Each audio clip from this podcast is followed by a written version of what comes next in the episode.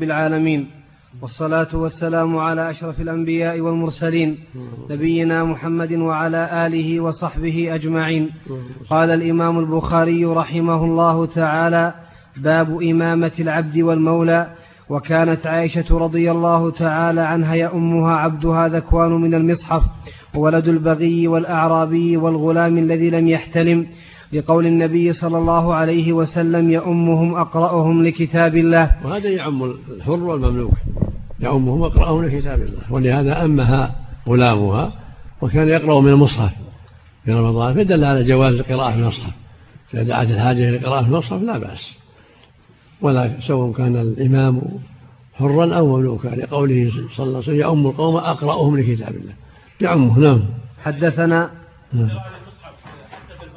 إذا جاءت دعت الحاجة إلى ذلك لا بأس نعم. حدثنا إبراهيم بن المنذر قال حدثنا أنس بن عياض عن عبيد الله عن نافع عن ابن عمر رضي الله تعالى عنهما قال لما قدم المهاجرون الأولون العصبة موضع بقباء قبل مقدم رسول الله صلى الله عليه وسلم كان يؤمهم سالم مولى أبي حذيفة وكان أكثرهم قرآنا وكان أكثرهم قرآنا.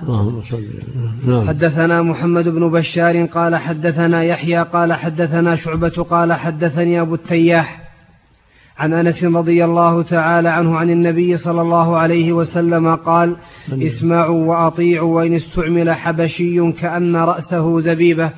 اللهم صل على وسلم باب إذا لم يتم الإمام باب باب إذا لم وفيه الخبر الصحيح لكن ليس على شرطه خرجه مسلم. يوم القوم أقرأهم لكتاب الله.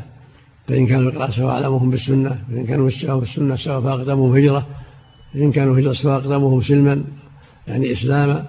في رواية فأكبرهم سنا نعم.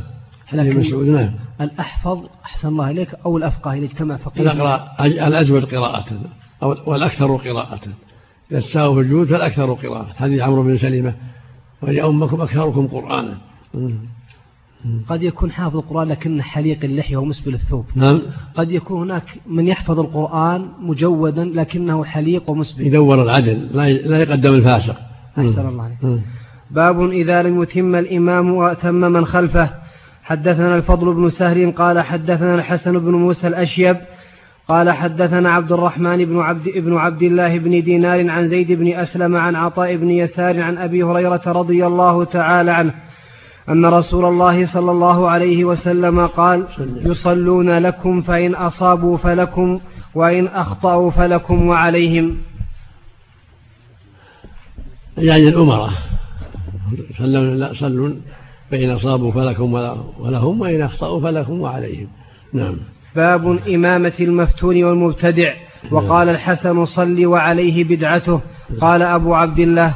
وقال لنا محمد بن يوسف حدثنا الأوزاعي. قال حدثنا الزهري عن حميد بن عبد الرحمن عن عبيد الله بن عدي بن خيار.